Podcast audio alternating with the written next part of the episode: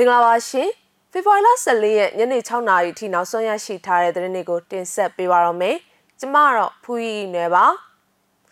အခုတင်ဆက်ပေးမယ့်သတင်းတွေကတော့ဂျပန်ဘီယာကုမ္ပဏီကီရင်မြန်မာနိုင်ငံကထွက်ခွာမဲ့သတင်း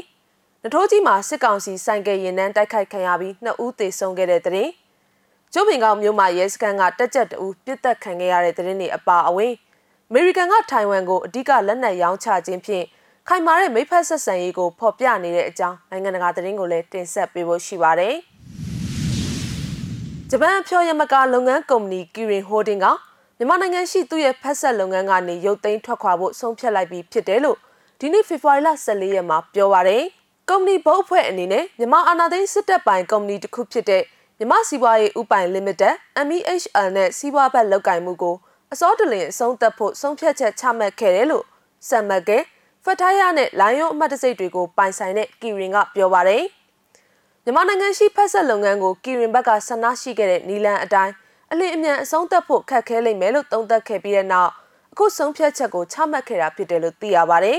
။ကီရင်ရဲ့ corporate ဆိုင်ရာစံသတ်မှတ်ချက်တွေနဲ့လူအခွင့်အရေးမူဝါဒကိုချိုးဖောက်ခဲ့တဲ့2021ခုနှစ်ဖေဖော်ဝါရီလဆီယနာသိမ်းမှုနဲ့ပတ်သက်ပြီးမပျော်မရွှင်ဖြစ်ခဲ့ကြောင်းကုမ္ပဏီကပြီးခဲ့တဲ့တစ်နှစ်အကြာကကြေညာခဲ့ပါတယ်။ ဒါပေမဲ့ကီရင်အနေနဲ့မြန်မာနိုင်ငံရှိသူ့ရဲ့ဘီယာထုတ်လုပ်ငန်းကိုဆက်လက်လုပ်ကိုင်ဖို့နဲ့ MEHL ရဲ့ share ရောင်းချစီရေးအတွက်ကြိုးပမ်းထားခဲ့သလိုသူ့ရဲ့ဝန်ထမ်းတွေထောက်ပံ့ဖို့နဲ့နိုင်ငံကိုကူညီဖို့လိုလားခဲ့တယ်လို့ကီရင်ကပြောပါတယ်။အခုခါမှာကီရင်ဟာသူ့ရဲ့ share 51ရာခိုင်နှုန်းကိုရောင်းချဖို့ရည်ရွယ်ပေမဲ့ MEHL တန်ရောင်းချမှာမဟုတ်ဘူးလို့ကီရင်ကပြောပါတယ်။အစောပိုင်းကဘီယာဖက်ဆက်လုပ်ငန်းဖျက်သိမ်းမဲ့အစီအစဉ်နဲ့ပတ်သက်ပြီး MEHL နဲ့အကြားအငင်းပွားမှုတစ်ခုဖြစ်ခဲ့တဲ့အတွက် နိုင်ငံတကာခုံရုံးတစ်ခုမှာဥတိုက်လျှောက်ထား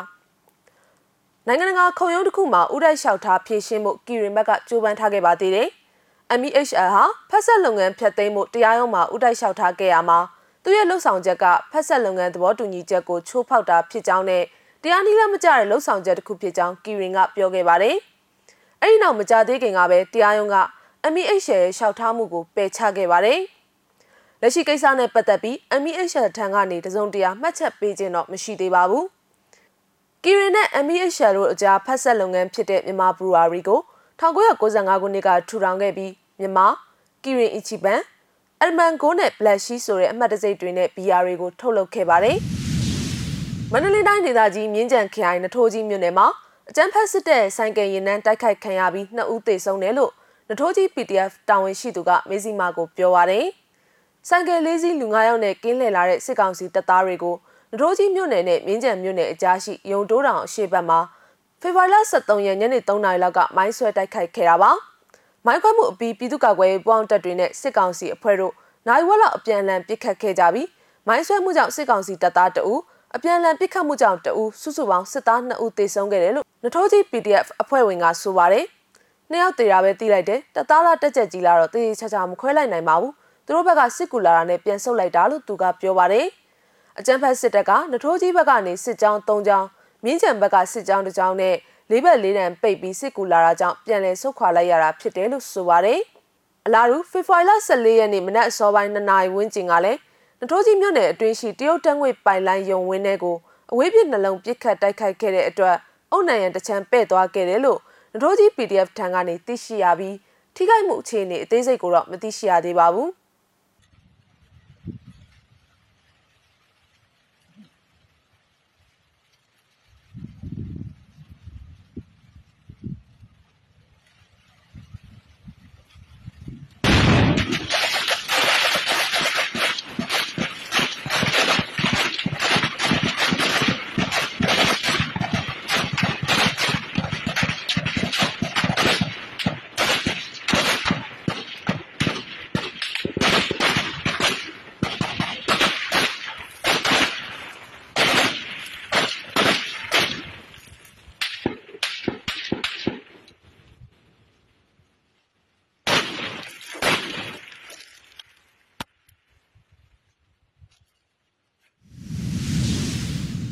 ပဲခူးတိုင်းဒေသကြီးကျိုးပင်ကောင်မြို့နယ်မြို့မရဲစခန်းကတက်ကြက်ဝင်းဦးဟာဒီနေ့ဖေဖော်ဝါရီလ14ရက်မိုးလွယ်3နာရီဝန်းကျင်မှာအပြစ်ခံရပြီးတေဆုံးသွားတယ်လို့ဒေသခံတွေကရန်ကုန်ခေတ်သစ်သတင်းဌာနကိုပြောဆိုပါရယ်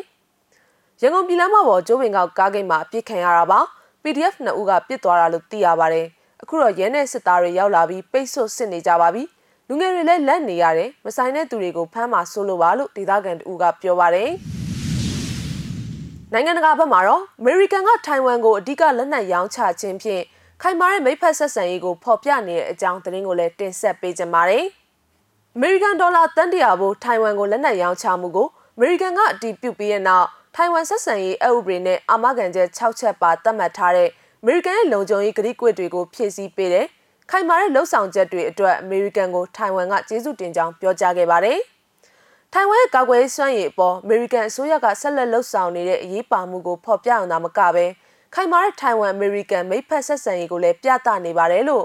ထိုင်ဝမ်သမ္မတရုံးပြောရေးဆိုခွင့်ရှိသူရှပီယာချန်ရဲ့ပြောကြားချက်ကိုကိုးကားပြီးထိုင်ဝမ် news ကဖော်ပြပါတယ်။သမ္မတဂျိုးဘိုင်ဒန်အာဏာရရှိလာပြီးနောက်ပိုင်းဒုတိယအကြိမ်မြောက်လက်နက်ရောင်းချခြင်းနဲ့2022ခုနှစ်အတွင်းပထမဆုံးလက်နက်ရောင်းချခြင်းလည်းဖြစ်တယ်လို့ချန်ကပြောပါတယ်။ထိုင်ဝမ်ရဲ့မပြောင်းလဲတဲ့ရည်တည်ချက်ဟာထောက်ခံသူတွေရှိနေတာကြောင့် ရန်လိုသူမဟုတ်သလိုဖိအားပေးချိန်မှလည်းဥညွတ်မှာမဟုတ်ဘူးလို့အလေးပေးပြောကြားခဲ့ပါတယ်။ထိုင်ဝမ်ဟာသူ့ရဲ့ကာကွယ်ရေးစွမ်းရည်ကိုဆက်လက်မြင့်တင်သွားမှာဖြစ်တယ်လို့ပြောရေးဆိုခွင့်ရှိသူကပြောကြားခဲ့ပါတယ်။ထိုင်ဝမ်ရေလက်ကြားနဲ့အင်ဒိုပစိဖိတ်ဒေသအတွင်းအမျိုးသားလုံခြုံရေးကိုကာကွယ်ဖို့နဲ့ငြိမ်းချမ်းရေးတည်ငြိမ်ရေးတာယာဝါပြောရေးနဲ့ဖွံ့ဖြိုးတိုးတက်ရေးတွေကိုပူးရဲထိန်းသိမ်းဖို့အတွက်အမေရိကန်အပါအဝင်အယူဆတူတဲ့နိုင်ငံတွေနဲ့လုံခြုံရေးဆိုင်ရာပူးပေါင်းဆောင်ရွက်မှုတွေကိုဆက်လက်လှုပ်ဆောင်သွားမယ်လို့ကတိပြုခဲ့တယ်လို့လည်းထိုင်ဝမ်သတင်းကဖော်ပြပါဗျ။